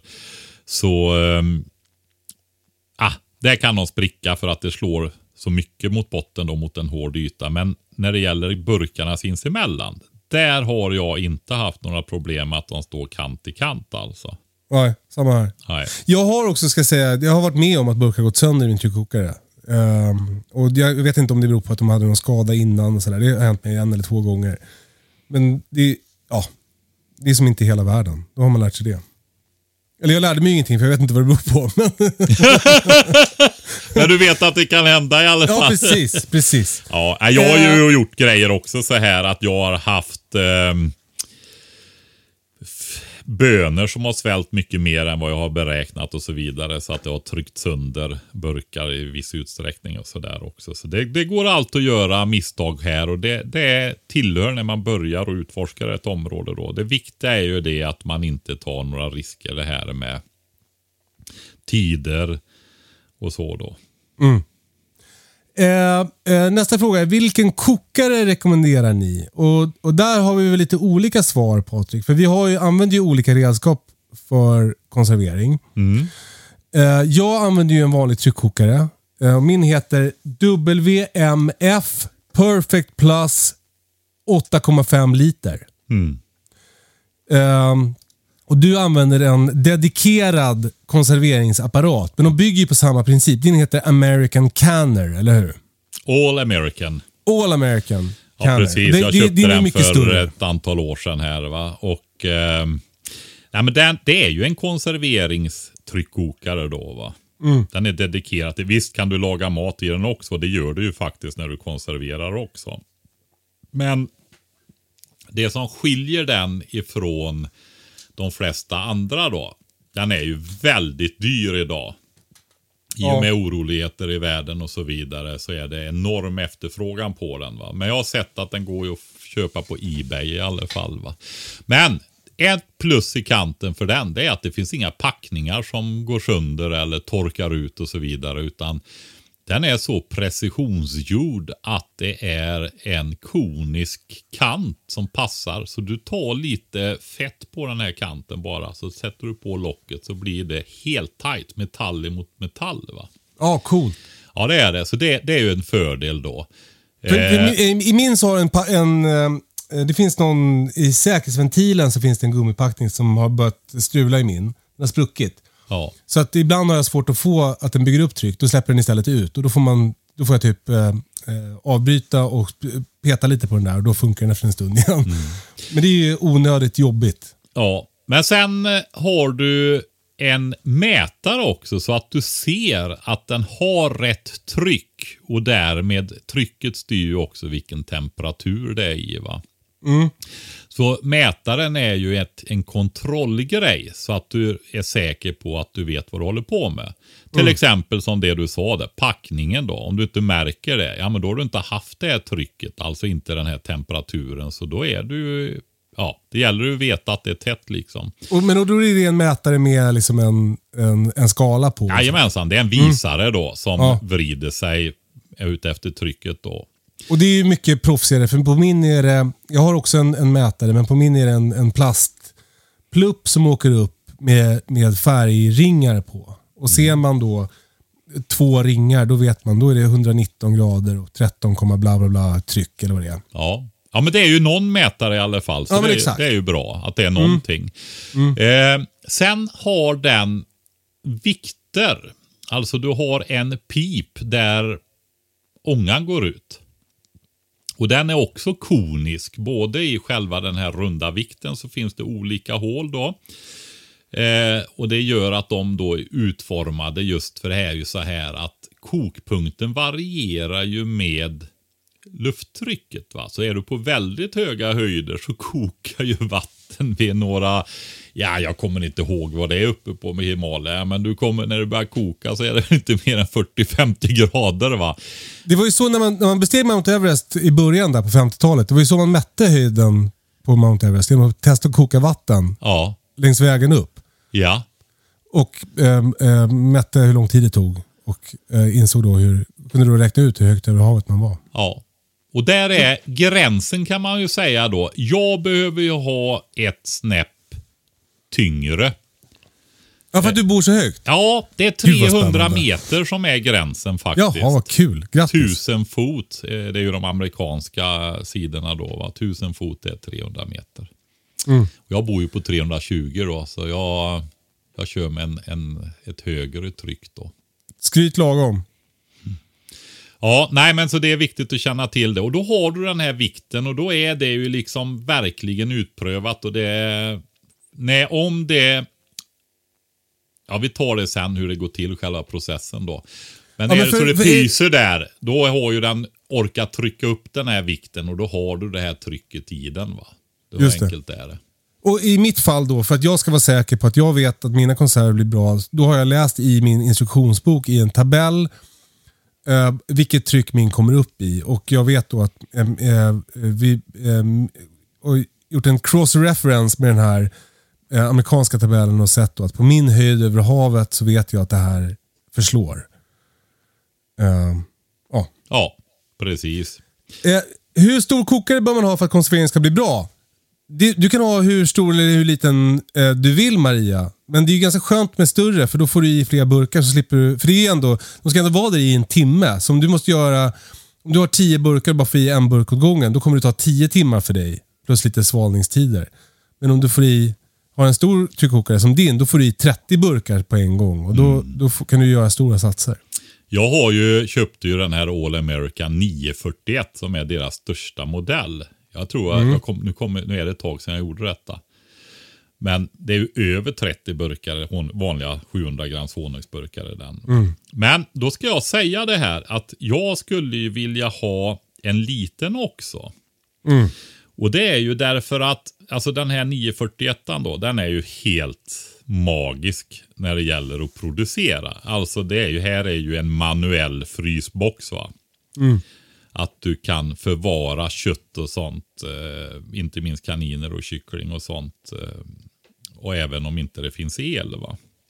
Och eh, dessutom så får du, det som ändrar min inställning till det är ju att det är en väldigt fin tillagningsmetod när du låter köttet koka i sina egna safter i en sluten behållare. Va? Det är ju, ja, så är det. Istället för min upplevelse att det var någonting som var liksom låg kvalitet så blev det bra kvalitet istället. Eh, nej, men den andra änden på det här då, men mindre. Det är ju det att om du har Ah, hon pratar ju om köttfärssås och sånt i slutet där. Du, tänk om du gör en måltid eller något och så får du mat över. Ja, men i med köttfärssåsen i en burk eller två så har du ju matlådor och sånt som du kan ta fram någon annan gång i närtid liksom. Men ta fram min 941 och ställ in två eller tre små burkar i den. Det gör du inte va? Nej, men för jag använder min tryckkokare så. Jag Ja. konserverar ju rester. Så Precis. jag gör ju stor laddning köttfärssås och så får jag tre burkar över som jag sen har i, i jordkällan. Eh, Så, så det, det är ju supersmidigt. Men jag får ju bara i sex burkar eller någonting. Så när jag ska göra större mängder av någonting, ja då är det ju segt. För då måste jag ju liksom eh, vänta på att den ska svalna, ta ur burkarna eh, och ladda om. Svaret är ju helt enkelt, det beror på vad du ska göra. Och ska du göra både och och ha råd så är det bra med en liten och en stor.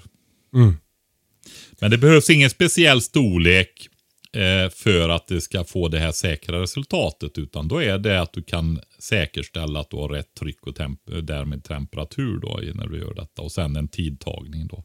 Just det. Eh, Har man vatten i kokaren som burkarna ställs i? Ja, det har man. Mm. Eh, det är att det vattnet kokar som gör att det bygger upp ett tryck inne i tryckkokaren. Eh, och Det pyser ju ut lite under den här processen. Eh, och Kanske om du har lite för varmt så kan det kanske pysa ut en del. Och Det pyser även ut lite under liksom, den här timmen som de ska stå där i. Så du behöver ha tillräckligt mycket vatten för att det inte ska koka torrt. För då, då kan det ju gå på röven ordentligt. Men du, du tar också, ju mer vatten du har desto längre tid tar det ju att få bygga upp det här trycket. Så jag brukar tänka, ah, vad kan det vara?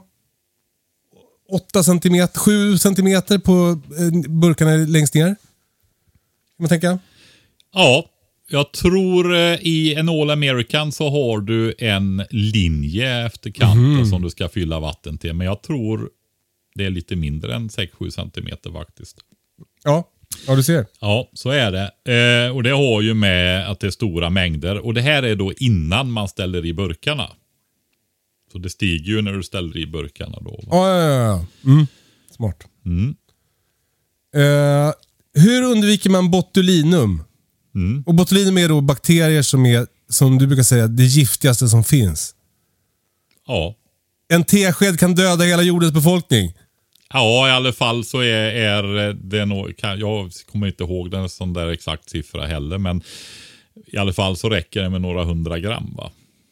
Det är bland det giftigaste vi känner till. Och tro, jag tror det är bland det giftigaste vi känner till faktiskt. Och hur undviker man då? Ja, det är ju att lära sig de här reglerna. Vi har ju berättat här nu när du tryckkokar till exempel. Eh, förr hade man ju inte tryckkokare. Då hade man ju de här inkok, du vet med de här ställningarna som man sänkte ner och lyfte upp alla burkarna och sånt där. va. Men då, då kanske du kokade köttet i en och en halv, två timmar eller någonting sånt där. va. Så det, det var ju rätt mört om vi säger så. Ja. Nej men alltså, det är en kombination av tid och temperatur. Så är det. Det går att nöta ut de rackarna också nämligen. det blir väldigt långa tider då. Jag eh, rekommenderar ju tryckkokare givetvis där. Va? Men sen har du ju de andra. Det är kyla, det är salt. Alltså man brukar prata om rörligt vatten i, i listor. Det gäller att ehm, få eh, ja, sta- stanna upp det då. Det finns, det står i den svenska livsmedelsverkets eh, broschyren som jag kommer att och dela på våran sida då. Vattenaktiviteten kallar de det där då. Och det, det finns några. Det är det klassiska med socker, med salt, torkning eller eh, det, det är, väl kanske inte vattenaktiviteten. Där är jag inne på något som jag inte är helt säker på. Men när du eh, konserverar med tryckkokare eller så, då, då, då är det ju rätt mycket vatten fortfarande. Utan då är det helt enkelt så här att du har dödat det här. Och det blir vakuum i burken så då kommer inget nytt. De får inte chans att komma in igen heller. Nej. Eh, hur lyfter du upp kokheta burkar ur kokaren? Ja, Och, och, och det, det behöver du inte göra. Du kan ju också bara vänta tills det har svalnat. Det är ju nästan skönast. ja. Alltså man ska Annars får du ta en grytlapp. Ja, eller det står hon nästan skrivit svaret själv här. Lyfter burkar. Googla burklyftare. Mhm. Det är en väldigt bra tång. Men jag ska ta hela processen med, med hur man gör sen. Steg för steg. Men eh, det är viktigt att man låter den svalna ner till under 100 grader då, va? eller normalt tryck. Så du inte har tryck i den när du öppnar den. va. Det är väldigt viktigt. Just det, men det, det går ju inte, alltså min går i alla fall inte att öppna när det är i den. Nej, Den har någon spärr. ja. Min är ju massvis med vridskruvar runt om. Jag har ju inte provat så jag vet inte riktigt vad som händer. Men det känns som att det är ingenting jag vill testa heller. Det, eh, en tryckkokare det bygger ju på att de här säkerhetsventilerna funkar. För annars kan du ju på riktigt spränga ditt hus. Så, så ha lite koll på att det pyser ut om det blir för varmt. Ja. En All American då, det sa jag inte förut, den har ju en sprängsäkring i sig. Alltså vi pratar ju ånglok här va. Stora krafter är det i vattenånga, verkligen. Men sprängsäkringen då, den är idiotsäker alltså. Det sitter en gummiplupp. Och innan den skulle explodera hela grytan så far ju den här säkringen och så blåser ångan ut där va. Ja. Det är en gummiplupp som inte kan. Det är så goda marginaler alltså så att den... ehm, ja, den är verkligen säker där va. Ja. Eh, och det, då är ju det så att eh, den här konen PYS, där det sitter den här runda vikten som jag nämnde, så är det ju så här, vad som skulle kunna tänkas hända är ju att det kommer och den täpps till. Då kommer ju inte vattenångan ut där, det bara pressar upp där och det tätar sig liksom. Och jag vet inte riktigt hur det skulle hända. Men tänk om det händer då. Ja, då är den här gummipluppen, då får ju den ur när trycket går upp en bit över det här som man normalt använder då. Va? Så den är verkligen, det är säkring på säkring där va. Skönt. Hur många grader ska kokaren bli? Det har vi varit inne på. Mm. Eh, det, det har ju då med eh, höjd över havet att göra. Men, men eh, eh, jag tror att jag har läst 119 grader. Ja, 120 brukar man väl säga då, men där kring då. Ja. Hur länge ska man koka? Det beror på hur stor burk du har. Det här är också någonting du får kolla i de här tabellerna. Ja, Men, men typ en timme. 45 minuter. Ja, de här 700 grams honungsburkarna som jag använder väldigt mycket för jag tycker det är bra portioner. Och man, vi gör ju ärtsoppa och sånt i de där med som matlådor färdiga. Och då är en 700 grams honungsburk perfekt portion till det där tycker vi. Då är det 45 minuter med den. Och det är också lite grann vad det är för typ av livsmedel så kan det variera då. Va? Just det. Men det är, det är 45 minuter. Men då är det här, nu ska vi se. Ja, men det var sista, hennes sista fråga va? Bra, för då kan jag köra eh, det här hur det går till. Ja, kul. För varifrån räknar du tiden då? Och så vidare va. Men då är det ju så här. Du paketerar och gör ordning dina burkar. Är det bönor, linser, ärtor och så vidare så blötlägg dem i god tid och sånt innan. Och, och um, ja, jag tycker det är bättre att göra det i alla fall. Sen fyller du på vatten. I mitt fall till den här nivån. Och eh, har man inte sådana markeringar i. I så tar kokaren man alltså, du fyller 60 på vatten- centimeter. I det. Vatten i kokaren. Vatten i kokaren, ja precis. Ja. Precis. Och eh, sen ställer du någonting i botten då. Jag har ett galler. Har du, du, du har inget galler i din va?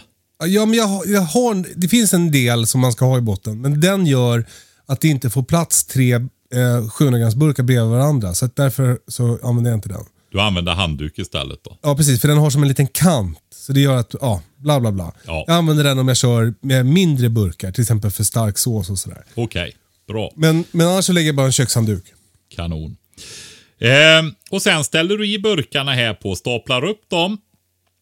På med locket eh, ordentligt så att det är tätt. I mitt fall då så har jag ju den här pipen som jag sa, där den här vikten som sen ger trycket ska sitta på. Men då sätter jag inte på vikten utan jag värmer detta tills det börjar ånga ur den här pipen. Då sätter jag på vikten för då vet jag att den är igång. Och eh, sen är det ju så här då att den täpper ju till det där hålet. Va? Då börjar Och då- trycket byggas. Då börjar trycket byggas. Och sen börjar den där studsa där, vad du pyser som bara den. Då vrider jag ner temperaturen. Ja. Och, Och för börjar, mig- och börjar ta tiden, för då har jag ju trycket. De här tiderna som står, det är ifrån när du har full temperatur där va. Just det. Inte Och för- och för- uppvärmningstider eller någonting inräknat i det. För mig är det då, jag kör på nian, jag för jag kör på vanlig spis. Du kör på gasollåga när du kör med din jättemaskin. Ja. Men jag kör, ställer in på vanliga spisen och då kör jag ju på nian eh, för att sen gå ner på eh, trean. Trean är min, eh, den, den siffra, te- temperaturen som jag har under den här timmen. Ja. Och det du vill åstadkomma där då, inte det att det pyser hela tiden och bara far ut ånga och vatten, alltså vattnet minskar och så vidare. Det är ju det att det räcker att den pyser någon gång i minuten.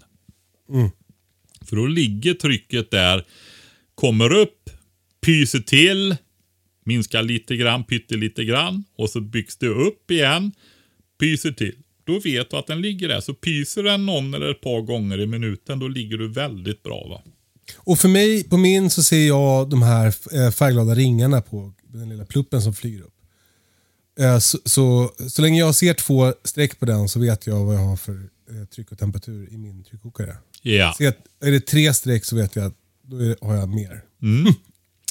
Och säg då att jag har kört en sån, jag kör en, det har jag aldrig gjort faktiskt, med bara eh, ärtsoppa i då. Men säg att jag skulle göra det. Då är den ju fulladdad med det där och sen så går äggklockan på 45 minuter. Då stänger jag bara av värmen. Och så får den stå där och svalna. Jag lyfter ju inte av den här pipen då. Dels så sprutar det ut het ånga så jag kan bränna mig om jag inte har några svetshandskar eller något på mig. Men sen vad händer annars då? Vad är det för tryck inne i burkarna? Det är ju samma tryck som det var va? Om jag då öppnar finns ju risk att det trycker sönder burkarna. Så länge jag har den här pipen och har trycket kvar i grytan så tryck håller det ju emot på utsidan. Du vet som ubåtar så när du går ner djupt så måste du ha samma tryck på insidan som utsidan annars så bara knucklas hela ubåtsskrovet ihop va. Ja, ja, ja. Så är det med ärtsopsburkar också i en tryckkokare va. Som ubåtar. Precis. Och nej men alltså låt den svalna i lugn och ro för då sjunker trycket. Då hinner det med att sjunka även inne i burkarna va. Så är det. Så det- är inte forcerat där utan låt det svalna och sen är det nere i Ehm, eh, ja, så att det inte pyser ut ånga utan du har kommit ner under 100 grader där. Då kan du lyfta av vikten där, skruva av det. Och jag kör ju med burklyftare då, som är en tång där du kan greppa om underlocket liksom och lyfta upp dem och ställa. Och det, det är ju lite roligt då, för då står den ju faktiskt och kokar in i burkarna när man ställer ut Ja, det är kul att se på köksbänken att det bara fortsätter bubbla där. Ja, efterkoka lite till då. Eh, och Det blir lite rörigt här med, när du säger ärtsoppa, för den tillagar ju du i burken. Alltså du har ju ner ingredienserna i burken och så ställer du in Ja, den i ja, ja. Så jag får, precis. Ja, man kan ju faktiskt tillaga ärtsoppa direkt i en Exakt, och så kan man ju göra med olika grejer. Jag tycker själv att det är svårt för att min matlagning bygger så mycket på att jag känner mig fram, att jag smakar och sådär. Det kan man ju inte göra i en konservburk. Du blir utestängd, Kalle. Exakt, och det gillar ju inte jag. Nej. Så jag, brukar ju, jag brukar ju laga grejerna först och sen konservera dem. Det, det gäller inte när jag har gjort majs och bondbönor till exempel i, i konservburkar. Då stoppar jag ner dem som de är och så kör jag dem i 45 minuter och sen är de klara. Eh, Men, men annars så oftast stoppar jag i färdiga rätter. Alltså jag tillagar inte i burkarna i tryckkokaren. utan Jag stoppar i färdiga maträtter i mina burkar och kör dem. Ja. Fan vilken koll man har nu Patrik. Ja, visst tyck, kändes det. Alltså, vi har, um, söker att tänka på det här. Det är ju så lätt när vi sitter och, och bara pratar. Jag, alltså, jag brukar ju lyssna på avsnitten och så med min hustru och dricka kaffe. Hon tycker Ja. om att lyssna på dem, då lyssnar jag med henne. Och jag, Ja, man lär ju sig lite också själv då. Inte, inte av det som pratas, men det är att göra podd. Och varje gång, varför sa jag inte det där också? Och så där, va? ja, det är Jag liksom- väljer, väljer att inte lyssna alls, så jag lär mig ingenting. Precis, när du in, du, ja men det är ju lite olika skeden i livet. Jag, jag kollar på statistiken av nedladdningarna och ser om jag har gjort rätt eller inte. Eh, men vad bra. Jag tror att vi har täckt in det här med konservering och är det någon som har några frågor så får ni höra av er. Jag konserverar ju även till exempel tomater eh, i min tryckkokare. Det behöver man inte riktigt göra. Man kan också göra det till exempel i ugnen eller i så vattenbad för de har så lågt pH-värde. Men jag har så bra snurr på det där med tryckkokare så för mig är det så enkelt. Och då, jag har också provat att bara stoppa ner hela tomater i, i burkar. Alltså möla ner dem bara. Eh, och det, var funkar också. väldigt bra att du tog upp det. Med tomater nämligen. Därför det där är ett diskussionsämne nämligen. Så det kan vi nämna. Eh, jag tryckkokar inte mina tomatsåser. Ja. Nej, men det är en del som menar att man ska göra det. Ja, vi har ju sagt det här med sura, alltså svarta vinbär. Botulinum goodbye liksom. Ja, då finns det ju de här pH-gränsvärdena som man kan gå in och titta där va. Och det finns tabeller då för olika bä, bär och frukter och så. När det gäller våra svenska inhemska så behöver man inte vara så jätteorolig då va. Men eh, tomat har inga marginaler. Det har de andra. De är gott och väl rejält sura va. Det är därför vi gillar en del socker i sylten och, och marmeladen. Eh, för att balansera detta. Så tomat är det är på rätt sida, men det finns ingen luftspalt däremellan Nej, över gränsen. Men det jag vill säga då, då är det så här att det finns, jag har ju nämnt det, att det finns olika sätt att konservera. Och eh, salt till exempel, socker, men socker är inte den starkaste konserveringsmetoden om vi säger så. Men den drar åt rätt håll i alla fall. Och när det gäller tomatsås så brukar man ju bryta lite. Ungefär som smakförstärkare med lite, lite söt, söt, sött i. Va? Men framförallt så kan man ju göra tomatsåsen och salta den. Det, för det kommer man ändå vilja göra sen. Precis, att du smakar av den med salt och tillsätter. Of, ofta är det väldigt bra med, med 2 då. Men eh, eh, den, eh, det bästa är att smaka av eftersom vi har olika på det där. Men i och med att du tillsätter lite salt. Det, det är ju inte så mycket salt så att det enbart skulle skydda, men de här bygger på varandra. Så då skjuter Smak. du bort den lite mer ifrån den här eh, gränsen då. Men det är faktiskt viktigt att känna till det att eh, tomat är Eh, de som ligger under gränsen men där har du inte marginalerna riktigt. Va? Så att det är bättre att bättra på dem. Och det kan man ju då göra med tid eller med salt eller sådana grejer också då. Annars så kör man i tryckkokaren om man vill ha helt stora marginaler då, va? som du gör. Mm. Det som är tråkigt med att trycka ner hela tomater i, i burkar och konservera är att eh, man får skalen. Uh, och Det är inte så härligt att ha i maten. Om man istället gör, som är min, mitt huvudsätt att göra konserverade tomater, då, då kör jag dem först i ugnen och sen mixar jag dem. Och då mixar skalet in i allt det andra, så då märker man inte det. Och så häller jag i burkar och konserverar. Egentligen om man, ska, om man ska konservera hela tomater, då ska man först koka dem och ta av skalet. Doppa dem i kokande vatten. Men hur mycket tid kan man lägga på tomater, tänker jag. Eh, så jag kör i mixer bara. Det är det bästa.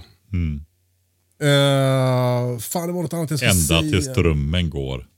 Men om man skulle vilja få en känsla, precis. Ja. Om man, om man vill få en känsla för det där med, med hur mycket socker och mycket salt och så här som behövs.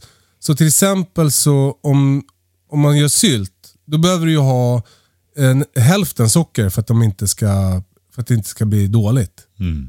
Eh, om, du, om du bara lättsockrar ditt äppelmos, då kommer det att jäsa väl?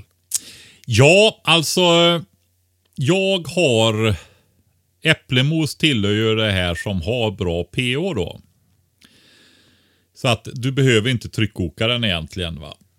Men då måste du ha mycket socker. Ja, alltså grejen är så här att eh, gör du äpplemos på vanligt sätt och liksom, du vet, eh, ugnsbakar äpplena eller kokar dem eller vad du gör för någonting för att få dem mjuka och så passerar du dem sen då i din passeringsapparat så du får moset. Inte att du går förbi dem bara, utan att du... Nej, precis. Så, eh, så, så lägger du den här varma, eller värmer upp den på spisen sen och sen häller i burkar som är förvärmda och så vidare och inte tar i mycket socker. Då är det ju, men jag kör, jag tycker att eh, med mina äpplen blir fantastiskt jättegott äpplemos. Jag tar bara lite socker i faktiskt som smaksättare, smakbrytning mer än konservering. Men då gör jag så att jag konserverar de här ordentligt i vattenbad. Ja. Alltså inte tryckkokare utan i eh, vanlig gryta med handduk i botten. Kokar upp. Det går att vara lite skonsammare här och hitta lägre temperatur än kokning och så. Men jag, jag brukar sjuda dem faktiskt. Eh, tittar du i vår kokbok och så vidare så står det en lägre siffra där. Om du kan hålla den i ett visst antal minuter och så vidare så, så klarar du det där. va. Och då har du ju inte skadat näringsämnen och sånt lika mycket. Som temperatur. tryckkokare. Nej, precis. Det, det är ju så. Det är sådana aspekter på det här också då. Men eh, jag kan ha de eh, äpplemosen med låg sockerhalt efter och ha liksom efterkonserverat dem då om vi säger så. Så går Ja, det. smart. Mm. Det kanske är att jag, jag har inte gjort den där vattenbasgrejen. För jag har gjort som med vanlig sylt. Att jag, att jag bara kokar den och sen häller upp i burkar och ställer upp och ner. Ja, Men då behöver man ha mer socker för att det ska absolut. förslå. Precis. Och jag blir så hungrig av allt det här matpratet Patrik. Vi måste sluta nu. Jag måste gå och äta. Alltså jag, jag tycker att jag själv tycker så här. Jag tycker det är väldigt roligt när vi eh, gör matprat faktiskt. Ja, kul. Vi får göra en, podd, en matpodd också Kalle. Eh, ska vi säga något eh, preppingaktigt också så folk som är bara är intresserade av prepping inte blir besvikna? Ja, det kan vi göra. Vi, våran kärnstyrka känns som att det är mycket småbrukare, men vi har med oss, men de finns i lägenheterna också. Definitivt. Men så se till att eh, lagra vatten och pasta så... Jag gnälla lite? Jag har ju egentligen sagt att den tiden är över, nu får vi jobba framåt och så vidare. Men jag blev jäkligt upprörd häromdagen. Vadå då? Jag fick en länk till, eh, nu kommer jag inte ihåg vad den heter, men det är ju en podd som eh, FOI har. Eh, och de pratar just om civilt försvar där. Och det var väldigt mycket bra i den podden som sades. Men så kommer det alltid det här, vet du. Normalitetsbiasen. Då säger någon sån där myndighetsgubbe där, jag kommer inte ihåg namnet på han alltså. Ja, i hushållen. Ja, en till två veckor. Mer behöver du inte ha. Alltså jag, jag skulle vilja vara med när de håller på så här. Och liksom, eh, det ska vara så här att Vi är, vi är ett folk som är väldigt rädda för att bryta ifrån. För vi är så... Mm. eh, vi vill verkligen få tillhöra. Va? Vi har levt det är kultur som sträcker sig långt tillbaka. Det värsta som finns kan vara att bli utstött. Va? Precis. Men den där gubben där då. Då vill jag fråga han så här. När nu de här institutionerna har fördärvat hela beredskapen. Vem kommer till den där barnfamiljen efter de där en till två veckorna då? Med mat. När det har hänt en allvarligare grej. Vem gör det? Fattar du att du är ansvarig för konsekvenserna av vad du säger och att folk lyssnar på dig? För man litar på myndigheterna i det här landet. Ja. Och vi, vi, ja, det vi vill säga är, vi skulle vilja formulera så här. En, en, två veckor. Ska du runda av det här nu? Men- Släta jag, jag, över. jag tänker bara att det finns en tydlig grej att, att säga här. Att en till två veckor, mindre får du inte ha. Nej, Den formuleringen. Precis. Att du, men mer behöver du antagligen ha. Ja. Det, det, det tror jag gäller alla som lyssnar på den här podden. Du behöver ha mer än en till två veckors beredskap. Men du får absolut inte ha mindre än en till två veckor. Nej, jag, ibland tänker jag så här när jag försöker vara positiv till det här. Då, men jag förstår också vad det blir för konsekvenser av det. Va? Eh, för många så är det trångt och så vidare. Jag tycker väl att det kan ligga några säckar under soffan och peta ut lite. va. Eh, Att det inte gör någonting. Eh, eller ett bord i hörnet kan bestå av några hinkar med mat i istället med en skiva på och en fin duk över. Men, eh, ja men typ alltså om man har lite kreativt tänkande. Va? Men jag tror då att de här, vi, vi har ju det bekymret att det är så väldigt många som inte har en till två veckors beredskap i landet. Och det blir för krångligt, det är för mycket, man har, alltså det är ju det här som vi har sett nu. Folk ska vänta tills de ser bekymret. De ska skaffa brandförsäkring när huset är övertänt. Va? Och så visar det sig att shit, jag levde ju ett just in time-samhälle. Eh, det är slut på hyllorna för det var fler än jag som har väntat och, och skaffa vattendunkar och nu kostar de 500 spänn på svarta marknaden. Eller 200 tror jag såg på något ställe. Ja, ehm, det är så att få, det är superviktigt att få upp det till en till två veckor. Så då har man gjort det, då har man täckt in väldigt mycket. Men blir det värre grejer så är det så här att eh, de håller på och försöka fixa till sina egna verksamheter i de större eh, offentliga miljöerna så att de kan klara sin egen uppgift. Det, det är det en större incident som drar ut på tiden så alla har fullt upp med sitt så är det ingen som kommer helt enkelt. va. Och med de orden lämnar vi er. Eh, lycka till! Eh, eh, tack för att ni lyssnar. Eh, och tack för att ni hör av er med frågor och funderingar till podden. Jättekul. Fortsätt med det. Maila hej katastrofen.se. Eh, ljudfrågor premieras. Eh, och glöm nu inte att mejla oss med förslag på hur Sveriges kommuner kan underlätta för dig som vill ta ett större ansvar för din egen matproduktion eh, och ditt småbrukande. Eh, Mejla hejkatastrofen.se och märk ditt mejl kommunkrångel. Eh, Patrik, Ja, ha det så bra nu. detsamma, Och, detsamma. och försök att lugna ner dig lite efter det här FOI-podden. Lyssna inte på sånt där. Det, var, ja, men det var en som delade den och jag tänkte jag skulle lyssna på det. Men jag, jag ska gå ner och eh, fortsätta att plantera om chiliplanter faktiskt. Så att Ja, men bra. Jag, jag kan säga också jag har redan pyst ut det. Det är när jag pratar om vissa grejer så eh, känner jag att trycket stiger inuti. Men så det försvinner Mm, men du har väldigt en sån här liten vikt så kan du pysa ut. Ja, men det, det är ingen fara. Det försvinner jättefort, men det är just när jag pratar om det så tänder jag till lite, så är det.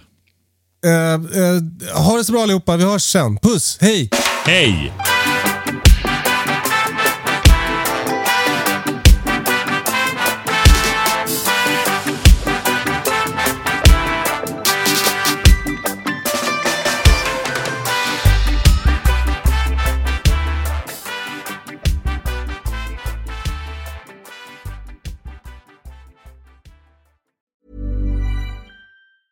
Ever catch yourself eating the same flavorless dinner three days in a row?